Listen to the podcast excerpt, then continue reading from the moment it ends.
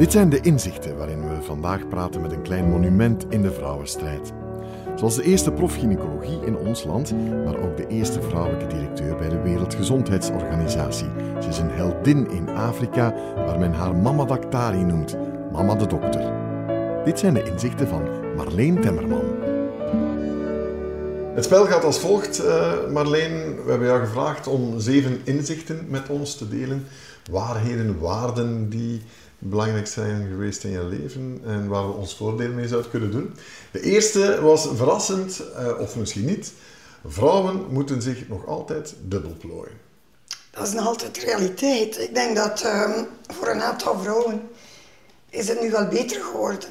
Maar als je kijkt wat vrouwen combineren, en men zegt dan dikwijls, oh de vrouwen zijn multitasking, we zijn zo niet geboren. We zijn niet meer multitasking dan een man. Maar als je ziet wat vrouwen dikwijls combineren met, zeker jonge vrouwen die uh, hun werk, hun carrière, uh, het huishouden, de kinderen, de moderne man in dit deel van de wereld, uh, zal meer bijdragen en voelt meer verantwoordelijkheid over kinderen en huishouden. Maar toch komt het eigenlijk nog vooral neer op de vrouw. En die vrouw wil dan ook carrière maken. Ook om dat pad te doorlopen moet ze eigenlijk tonen dat ze minstens even goed is als de man. En er worden dan criteria gehanteerd in de wetenschappelijke wereld, aantal publicaties enzovoort enzovoort. Dus vrouwen zijn sterk, maar hebben dat ook nodig, want ze moeten zich uh, toch altijd ja. dubbel plooien. En het feminisme heeft jullie in zekere zin een pad in de korf gezet. Maar niet helemaal. Ik denk, ik noem mezelf een feminist. Ik hoop dat jij dat ook doet. Absoluut. Ik ben eh, Absoluut, geen twijfel aan. Want feminisme heeft zo'n uh, negatieve bijklank. Als ik vraag um, aan de les, in mijn les, studenten geneeskunde bijvoorbeeld, begin van het jaar, wie is er feminist? Zo aarzelend, zo vijf handen, vier vrouwen, één man. Um, na de les, als je dus uitlegt dat feminisme eigenlijk betekent, mannen en vrouwen die vinden dat mannen en vrouwen gelijke rechten hebben. Dan gaan er mensen anders over denken. Maar het heeft zo'n negatieve connotatie. dat gelijkwaardig, niet gelijk. Gelijkwaardig. Ja. En het lijkt wel alsof feministen mannen haatstuk zijn, wat helemaal niet het geval is. Maar we, zijn, we moeten uitgaan van die gelijkwaardigheid. Ik weet niet wat feminisme onze pad in de korf gezet heeft. Ik denk dat het ook gewoon een evolutie is. En dat er tijden komen dat uh, vrouwen inderdaad... Men moet bijvoorbeeld op een werkplaats zorgen dat, um, dat die vrouw vriendelijk is. En je kan heel veel doen als werkgever of als werkcommunity om dat gelijkwaardiger te maken voor mannen en vrouwen. Ook de carrière bijvoorbeeld kan nog heel veel gebeuren. Um, we leven in een wereld, bijvoorbeeld in de Verenigde Naties, hebben we toen op een bepaald moment gezegd, er zou eigenlijk geen enkele raad van bestuur, geen vergadering, geen comité, geen panel waar we niet minstens een derde van een ander geslacht hebben. Maar dat is nog altijd niet de realiteit. Heel veel foto's zie je alleen mannen en de vrouw serveert koffie. Je hebt het ook het omgekeerde. Soms zie je panels alleen met vrouwen. Als het gaat over feminisme en over vrouwenstrijd. En daar zouden evenveel mannen moeten bij zijn. Voilà. Ja. Toch is er veel veranderd. Hè. Als je vandaag kijkt, eh, de studenten geneeskunde zijn overwegend vrouwelijk. Terwijl jij nog altijd ja, toch hebt moeten vechten om geneeskunde te mogen gaan doen? Het was anders. Ehm, toen ik in de jaren 70 naar de universiteit ging, dat was toch zo van... Ja, meisjes, uh, regentaat is beter, want dan ga je meer tijd hebben voor gezin, voor kinderen later. En universiteit, dat was toch iets voor of de hogere klasse of meer naar jongens gericht. Maar uh, ik was van een doorduwer en zagen thuis van ik wil naar Tenerife. En mijn ouders hebben mij toen de kans gegeven. Geneeskunde, oei oei oei. Maar alleen zeven jaar, hè, dat is lang hè. En bovendien, eh, er, er waren eigenlijk in onze kennissenkring geen meisjes die geneeskunde deden. Maar weer nogal aangehouden. en uh, toen mocht ik van mijn ouders één jaar proberen, naar, naar Gent. Um, en dat was zo in de buurt. Ja, wat denken die wel?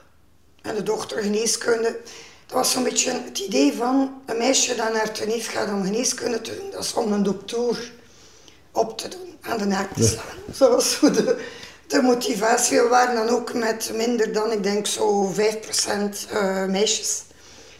Dus uh, nu is dat helemaal veranderd. Nu zijn er twee derden van de studenten zijn vrouwelijk. Uh, vrouwen hebben nu meisjes betere resultaten.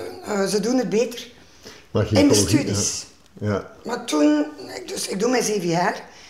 Daarna wou ik gynaecoloog worden. Ik vond dat een prachtig beroep gedurende mijn stages. Maar ook niet voor meisjes, want het was het zwaarste beroep van ja. normaal. Dus, uh, ja, toen ik ging aankloppen bij de prof, alleen mannenproffen toen. Toen zei hij zo van, nee vrouwke, dat is niets voor vrouwen, want dat is 24 uur werken. En je gaat kinderen krijgen, je moet voor je man en voor de kinderen zorgen. Dus doe zoiets zoals uh, huidziekten of oogheelkunde of zoiets, waar dat je 9 ehm, tot 5, nou 9 tot 12 kunt werken en dat je tijd hebt voor je gezin. Um, ja, je was natuurlijk ook volop carrièrevrouw en hebt ja, wat dat betreft alles zelf meegemaakt. Uh, tussen ja, hameren en aanbeeld als het ware. Uh, ik mag dat vertellen dat, dat je zelf ook een biologische klok hoort tikken. En tegelijkertijd abortussen moet uitvoeren, terwijl het niet meteen lukt om kinderen te krijgen. Om zwanger te worden. Moeilijk.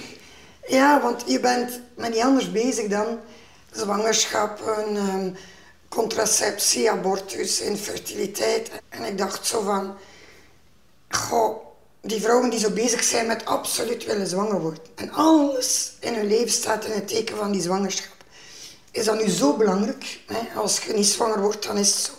Tot op het ogenblik dat ik zelf die biologische klok voelde tikken en tegenslag had en een miskraam en dan uh, een buitenbaarmoederlijke zwangerschap. Dus al mijn gynaecologie aan de lijve meemaakte.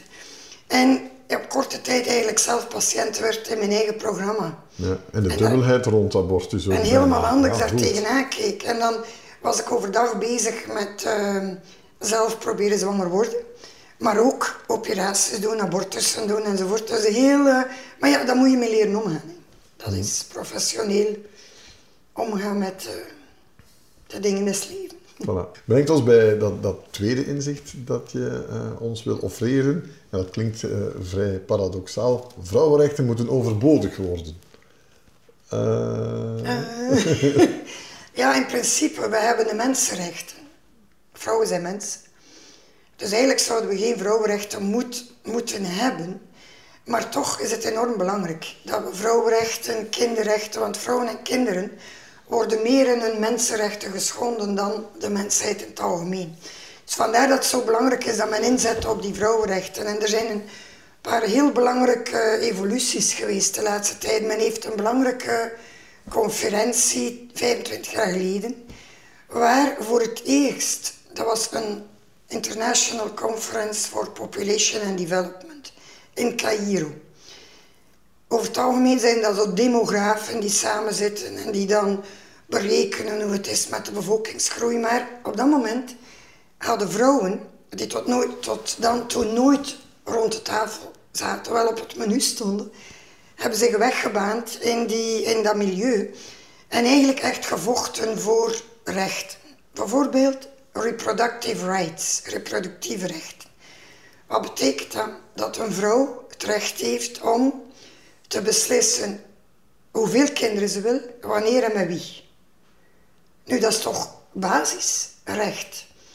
Maar dat is nog maar eigenlijk goedgekeurd 25 jaar geleden. En dan dachten wij hier in het Westen, en, het is ook zo van wauw, een mijlpaal, dat was een enorme mijlpaal. Maar als je nu ziet hoe dat weer pushback en teruggeduwd wordt hier, en zeker in ontwikkelingslanden door, er is terug een vraag rond um, abortus wordt in vraag gesteld, kijk maar naar Amerika. Um, toegang tot voorbehoedsmiddelen. Dat is lang niet overal het geval. Waar ik nu werk in Kenia, is dat niet evident. Uh, toegang tot abortus.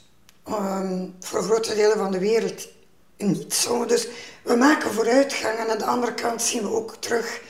Uh, het is geen verworvenheid. We moeten continu alert blijven, want er zijn krachten, zowel uh, patriarchale gedachten, religie, cultuur, die eigenlijk tegenovergestelde wensen. Van vrouw terug aan de herkijk naar Erdogan.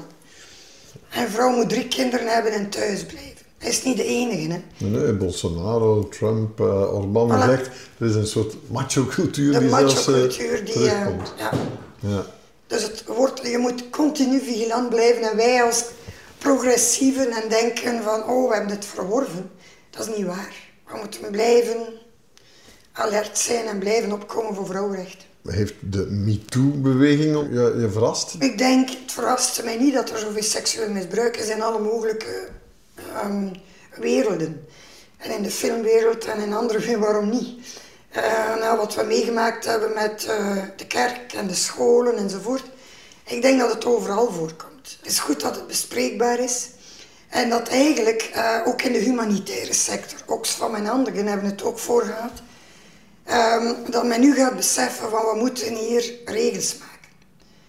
De arbeidsvoorwaarden moeten zo zijn dat het inderdaad een charter tegen seksueel geweld, dat in dit bedrijf, in dit milieu gaan we daar, is dat zero tolerance. Ja, maar je ziet daar ook al natuurlijk een beetje de tegenbeweging dat ja, zo zero tolerance is natuurlijk ook meteen uh, niet altijd een pretje of zo, maakt een boel wat steriel en vrouwen moeten niet zo uh, zagen en mannen moeten mannen kunnen blijven en zo. De slinger is precies toch ook al snel aan terugkomen. Dat is normaal, hè. Je hebt een slingerbeweging en dan gaat men reageren daartegen. En er wordt inderdaad soms overdreven, denk ik. En mannen moeten niet direct uh, publiek gelyncht worden, vooraleer dat het duidelijk is dat ze zich echt dat is crimineel feit gedaan, hebben enzovoort. Dus ik denk die slingerbeweging die is normaal. Dat zal wel terug ergens hopelijk tot een normaal gedrag komen. maar ik denk dat het belangrijk is dat men ergens gaat nadenken van hoe kunnen we het vermijden zonder daarom iedereen zo in een keurslijf te gaan steken. Maar hoe kunnen we omstandigheden vermijden en toch wel in de humanitaire sector bijvoorbeeld een duidelijke charter van dit kan niet. Hier ligt de grens. En ik denk dat we naar omgaan met mannen en vrouwen en seksueel geweld enzovoort, dat we ook tot de verandering moeten komen, dat dat niet meer normaal is. Dat meisjes uh, betast worden, niet meer normaal dat er misbruik gemaakt wordt uh, in scholen enzovoort, meisjes en jongens. Dus dat moet eruit, want heel dikwijls heeft het toch te maken met machten. Brengt ons uh, ja, redelijk naadloos bij een, een derde inzicht. Uh, geen verontwaardiging zonder actie. Dat ja. is Marleen Vechtjas. Dat zijn zo de drie V's die uh, door mijn leven lopen. Zo verwondering, verontwaardiging, maar dan ook verantwoordelijkheid nemen. Ik denk, je kunt verontwaardigd zijn over iets en zitten zagen en klagen. Het is toch vreed, dat, enzovoort. Maar dan denk ik, probeer er dan ook iets aan te doen of zaagt er niet over. Nog beter dan een Twitter-post is ergens iets gaan doen. Voilà. En ik herinner me een, een anekdote als kind, toen... Uh, uh, was ik ook al heel erg bezig met dat is niet eerlijk dat die kindjes dat niet hebben en zo. De, het, de ongelijkheid, dat heeft mij altijd zeer getroffen. En welke leeftijd spreken we dan? Was? Goh, ik, ik denk zo rond het eerste studiejaar. Dan al? kwam er eens een uh, missionaris in de, in de klas. Right. In de lagere school in Zeveneek. En die had het over de arme kindjes in Congo. En die, die moet gezegd hebben, of ik moet begrepen hebben, dat de arme kindjes niks hadden. En dat wij dus konden meegaan en ons speelgoed uitdelen. Dus ik naar huis aan het zagen, mijn ouders, ik wil mee naar Congo, ik wil mee naar Congo. En om duur was mijn moeder dat zo beu dat ze zei, hier mijn kind, ga jij maar mee. Dus mijn laken opgevloeid in een grote zak en ik vier als een gieter. Met mijn laken, mijn speelgoed, om mee te gaan voor die arme kindjes te gaan helpen in de Congo. En ik vloog onmiddellijk terug naar huis, dus mijn eerste grote ontgoocheling. Maar dat heeft zo altijd een beetje de drijfveer geweest. Zo van, hoe komt het dat anderen minder hebben, wat kunnen we doen? En dat is eigenlijk ook voor mij de reden geweest om dan een latere geneeskunde te gaan doen. Een, een, een vak dat je eigenlijk overal kunt werken. En dat je kunt bijdragen ook waar het meest nodig is. Hè. Men zegt, we weten het niet altijd, maar in Afrika is eigenlijk al heel veel verbeterd. Uh, wij zien de dingen die misgaan, maar eigenlijk over het algemeen zitten we in de wereld al veel beter uh, is ook zo, hè? dan vroeger. Ja, ja. En, en ik denk de landen die vooral een, gelijk Kenia, is eigenlijk een zeer interessant land. Ze hebben een jaar of tien geleden hun grondwet veranderd. Gelijkheid mannen-vrouwen zit in de grondwet. Alle kinderen... Het zit al in de grondwet, maar Nog niet echt in de grond. De toepassing is iets anders, maar je moet ergens beginnen. Bijvoorbeeld, uh, alle kinderen moeten nu naar school. Lagere school is gratis en verplicht. Ze zitten wel met de honderd in een klasje soms, maar uh, het, het, het feit dat de meisjes en jongens, jongens en meisjes naar de school gaan, zie je dat dat land zich aan het ontwikkelen is. Meer opgeleide mensen die een job hebben en een land dat zijn middenklasse meeneemt, waar die kloof tussen heel rijk en heel arm vermindert. Die zijn op de goede weg. Ja. En je ziet dat dus aan de indicatoren, maar er is nog altijd veel verschil tussen de vrij begoede middenklasse en de hogere klasse. Versus de armen op het platteland, de stedelijke armen. Stedelijke armoede is een enorm groot probleem. En wat eigenlijk het grote probleem is, is die bevolkingsgroei. Waar je ook iets probeert aan te doen met, met, met, gezinsplanning, omdat ja, het is wel een beetje de moeder van al onze uh, problemen, de bevolkingsexplosie. In Kenia, toen wij daar gingen wonen, hadden we 22 miljoen Kenianen in 85. Nu zijn er 51 miljoen. Ja. We hadden toen 10,5 miljoen Belgen, nu 11 miljoen of zo. Dus kun je je voorstellen dat zo'n bevolking verdubbelt. Uh, meer scholen, ziekenhuizen enzovoort. En men spreekt dan optimistisch over de demographic dividend. Een jonge populatie, dynamiek, um, innovatie, jonge hersenen, die alles gaan veranderen. Schitterend. Maar het kan ook een demographic disaster worden als die mensen geen job hebben. Dus ik denk dat we moeten inzetten als er één ding is waar je in ontwikkelingsland kunt inzetten. Mijn eerste zou zijn uh, onderwijs. Ja, en men zegt vooral onderwijs, van meisjes. Onderwijs, onderwijs van meisjes, onderwijs, kwaliteit onderwijs. En het tweede, family planning. Ja. Wat samenkomt met, met, met meisjes wereldwijs maken over Tuurlijk. waar de kindjes vandaan komen al. Absoluut. Maar nu zien we bijvoorbeeld eh, terug in Kenia, we zien dat meisjes gaan naar school, ze doen het goed. Beter, nou nu niet beter, maar mensen zijn goed als de jongens. Ehm, maar heel veel ehm, in de armere gebieden rond de kust, waar wij werken in de scholen en in de ziekenhuizen, in de gemeenschap. Een van die klasjes bijvoorbeeld, waar ik onlangs was, um, daar zit één meisje op, vier was zwanger, 13, 14 jaar. 13, 14 jaar, één op de vier. En dan zitten ze aan mijn uniform. Oké. Okay. Met witte sokjes en mijn dikbuiksje. Dat is toch, allee. En word je soms moedeloos van, van dat soort dingen? Of geeft het jou net toch nog altijd meer energie om weer op ah, de volgende barricade te gaan staan? moedeloos, maar dat helpt toch niet en daar bereikt je niks mee. Ik denk zo van gevraagd, ja, hoe is dat in godsnaam mogelijk? En dan zoekt weer mogelijkheden om daar iets aan te doen. Alleen kan je daar niks aan doen. Maar je moet samenwerken denk ik, met inderdaad de, ehm, iedereen die er iets mee te maken heeft. De gemeenschappen zelf, de dorpen, de, de religieuze leiders, de stamleiders, uh, de vrouwenbewegingen. Ehm. Ja, het is wel interessant dat je ja, enerzijds echt op het front daar uh, bezig bent gebleven en anderzijds, ja, we moeten dat op een, een hogere schaal aanpakken. Dus bijvoorbeeld Wereldgezondheidsorganisatie. Misschien minder romantisch om dat dan in bureaus te zitten doen, maar effectiever? Of, uh... zeer, eh, zeer belangrijk. Ik denk, het een sluit het ander niet uit. Ik ben in België in de politiek gegaan om te proberen dingen te veranderen. Ik heb daar heel veel geleerd.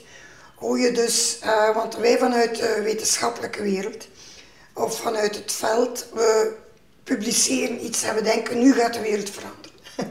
We hebben hier nu bewijs, we hebben gegevens, cijfers enzovoort. Maar zonder die brug te maken naar politiek, om dan beleid te beïnvloeden, gebeurt er niet veel. Dus je moet eigenlijk partner, partnerships uh, vormen. En bij de WHO, bij de Wereldgezondheidsorganisatie, was het zeer nuttig om die link te hebben met um, hoe bereik je politiek iets, want dat is allemaal politiek. Ja, daar heeft jouw ervaring uit de Belgische politiek uh, zou zeker van passie komen, want uh, de kunst van het compromis, daar zou voilà. goed in zijn. Toen ik bij de WHO, toen ze zo uh, mijn interview deden, zeiden ze van ja, you can take all the boxes. Hè, van onderzoek, gewerkt in ontwikkelingslanden, clinical, alles. Only one box, ik had nooit gewerkt binnen de UN. Mm Een van de tien was, did you work within the UN? Nooit binnen de UN gewerkt. En toen zeiden ze, Maar ja, als je zoveel jaren in de Belgische politiek hebt meegedraaid, dan weet je wat compromis is. Dus 10 op 10. Je volgende inzicht heeft te maken met het ja, toch behoorlijke verschil tussen Afrika waarschijnlijk en onze westerse wereld. Je zegt verrassend genoeg, hoe rijker de samenleving, hoe minder de solidariteit. Ik denk, we zien dat in eigen land ook. Als je zelf genoeg hebt, dan zijn er minder mensen die zeggen van nu gaan we solidair zijn met degenen die het echt nodig hebben. Hebben wij nu veel gevoelens van solidariteit met de bootvluchtelingen, met, uh, met migranten. Er is zo'n verharding die optreedt. En die zegt dat is niet voor, dat is niet ons, ons onze mens. Mm En wil je nu zeggen dat bijvoorbeeld in, in Afrika, waar dan ja, veel minder uh, sociale zekerheid, werkloosheidssteun en zo uh, bestaat, dat daar een soort natuurlijke solidariteit is binnen, binnen een community waar men elkaar wel moet ondersteunen? Goh, ja en nee. Traditioneel wel. Hè. In de um, rurale gebieden uh, is het zo dat men zorgt voor elkaar. Um, men heeft niet alleen de familie, maar die extended family. Dus iemand van het dorp die gaat studeren en die het maakt in de wereld, die wordt dan ook verondersteld om te zorgen voor het dorp.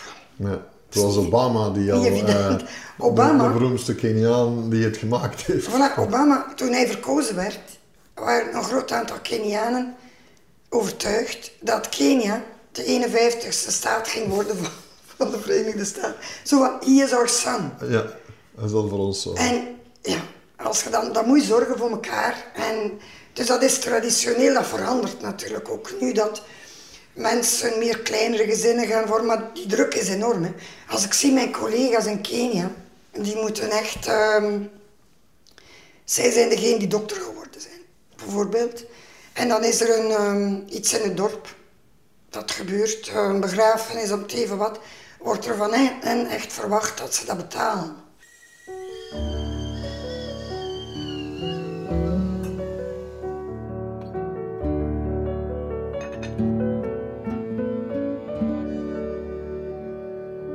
We zitten al ongeveer uh, halverwege al ja, waarheden en inzichten en waarden.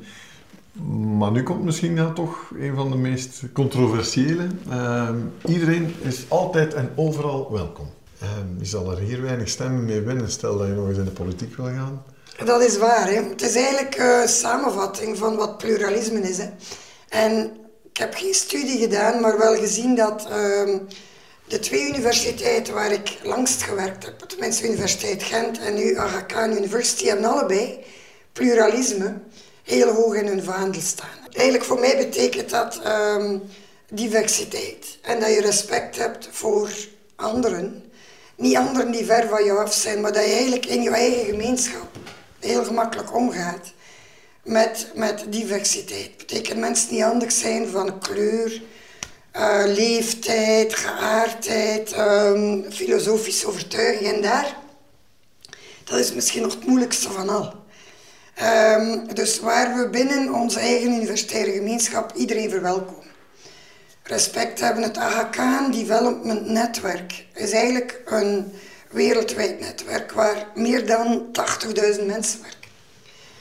Um, vanuit de, het is gegroeid vanuit de uh, Shia-moslims, Ismaili. En die hebben werkelijk heel hoog in hun vaandel van iedereen is bij ons altijd welkom. Dus als je reist, kan je altijd bij Ismaili thuis ontvangen worden, ongeacht van rang of stand, ongeacht van kleur, uh, godsdienst enzovoort. Ze hebben heel veel respect voor mannen, vrouwen, streven gendergelijkheid na.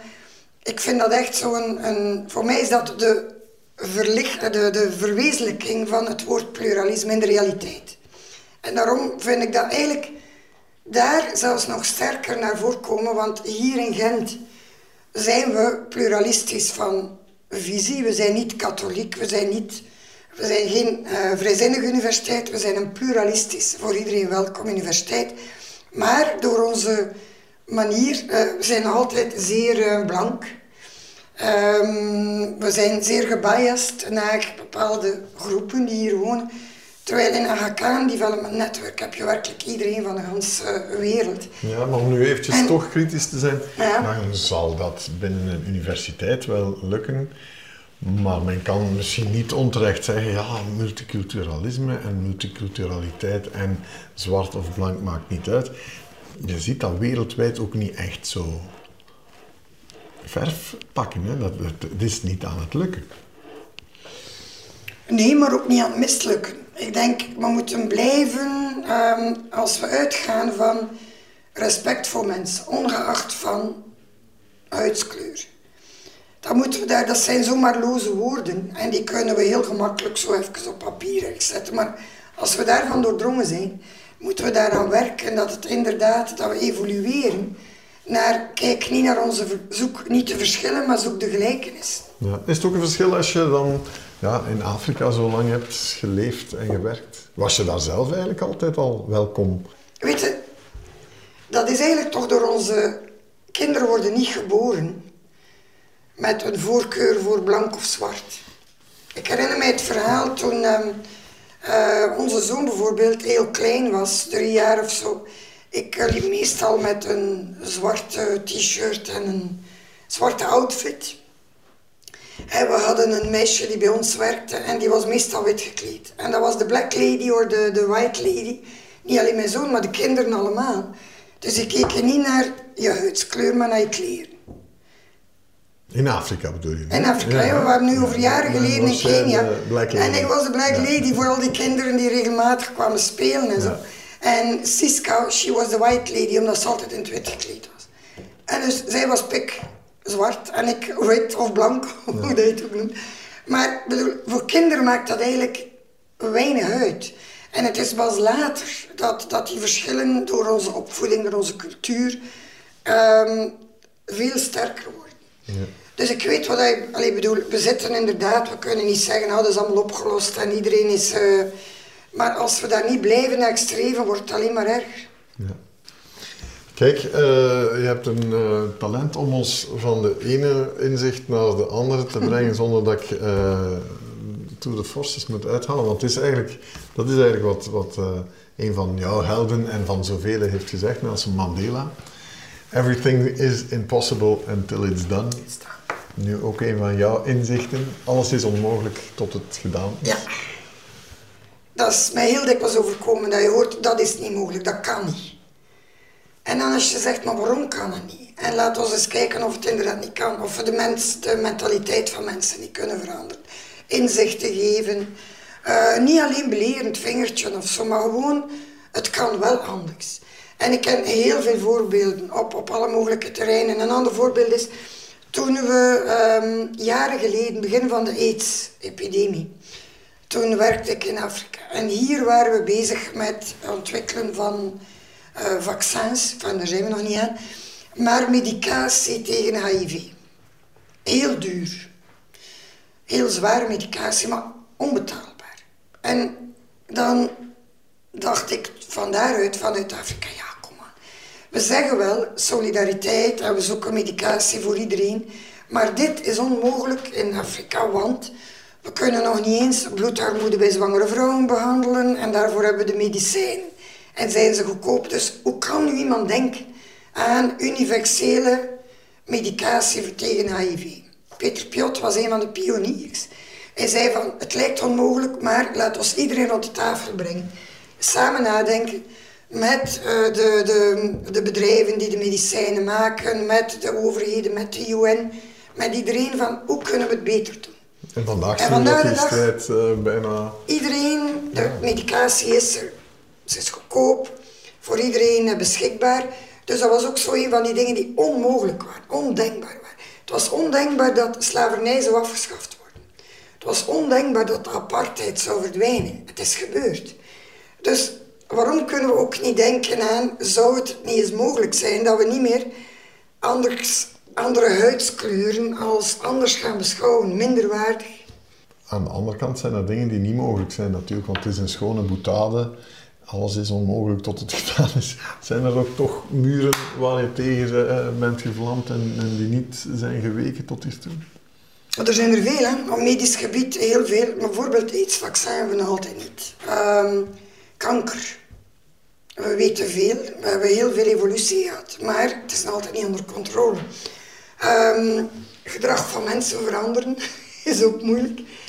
Um, misschien Als daar een vaccin voor bestond. Misschien nog het moeilijkste, vind ik.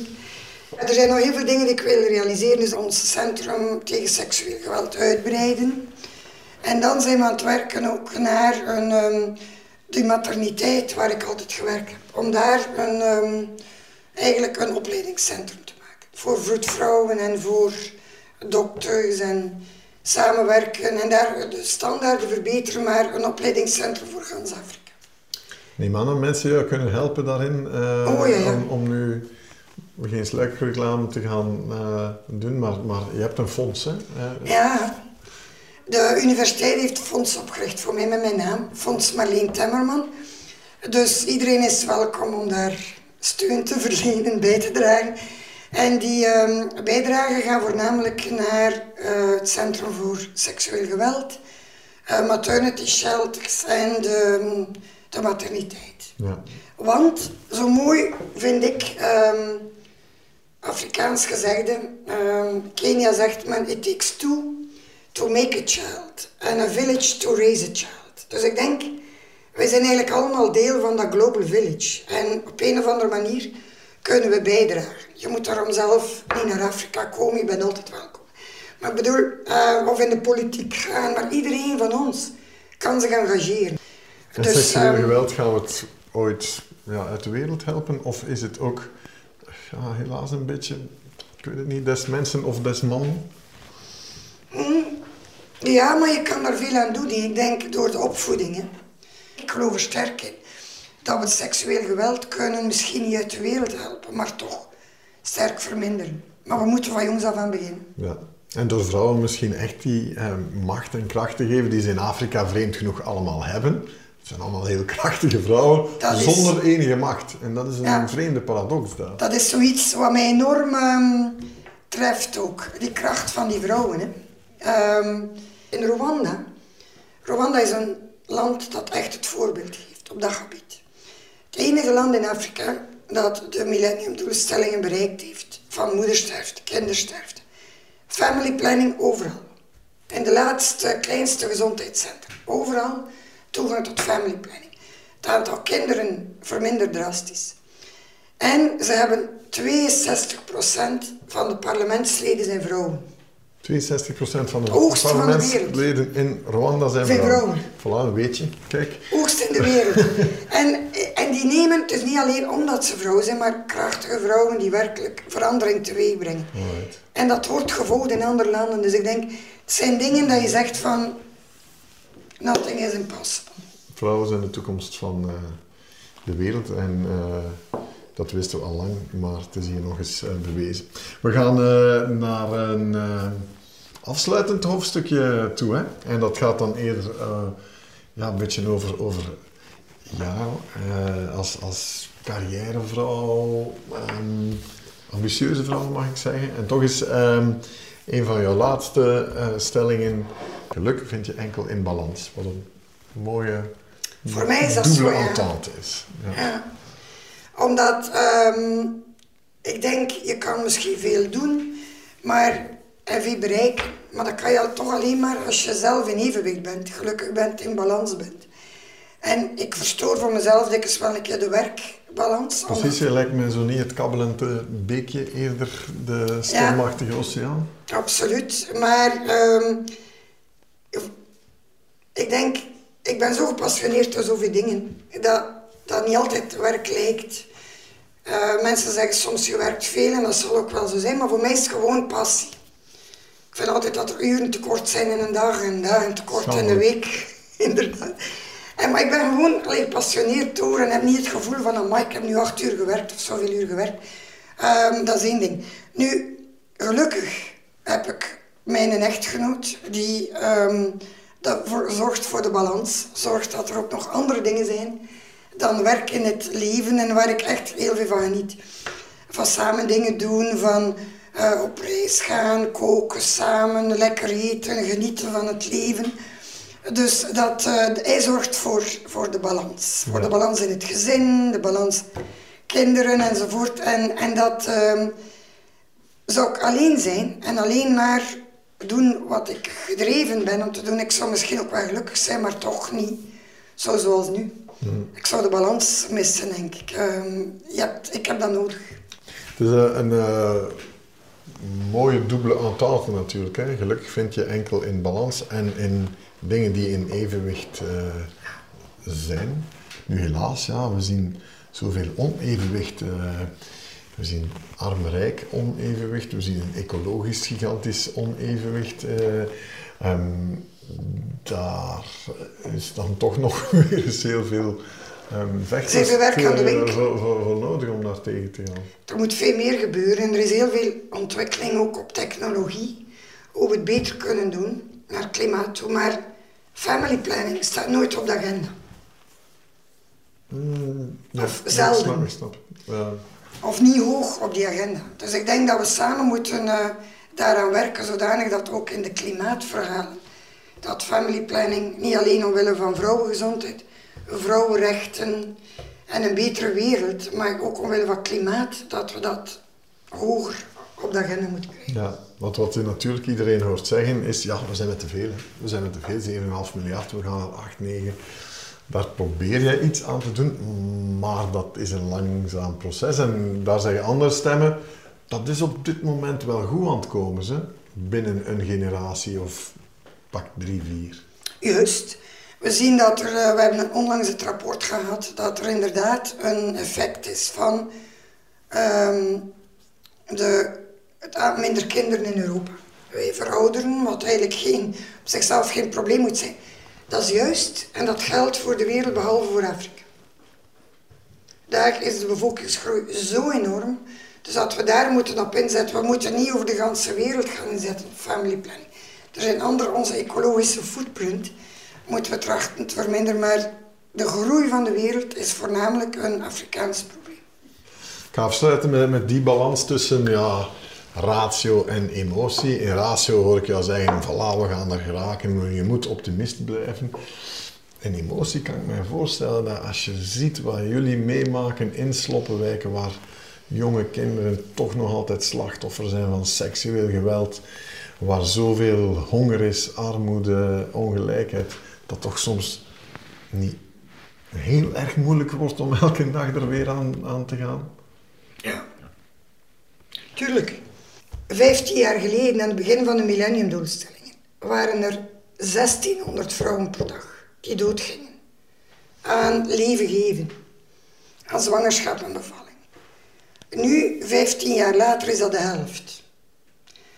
We hadden meer gehoopt, maar het is nooit gebeurd in de geschiedenis dat op zo'n korte periode moedersterfte zo kan verminderd worden. Dus we weten wat er moet gebeuren.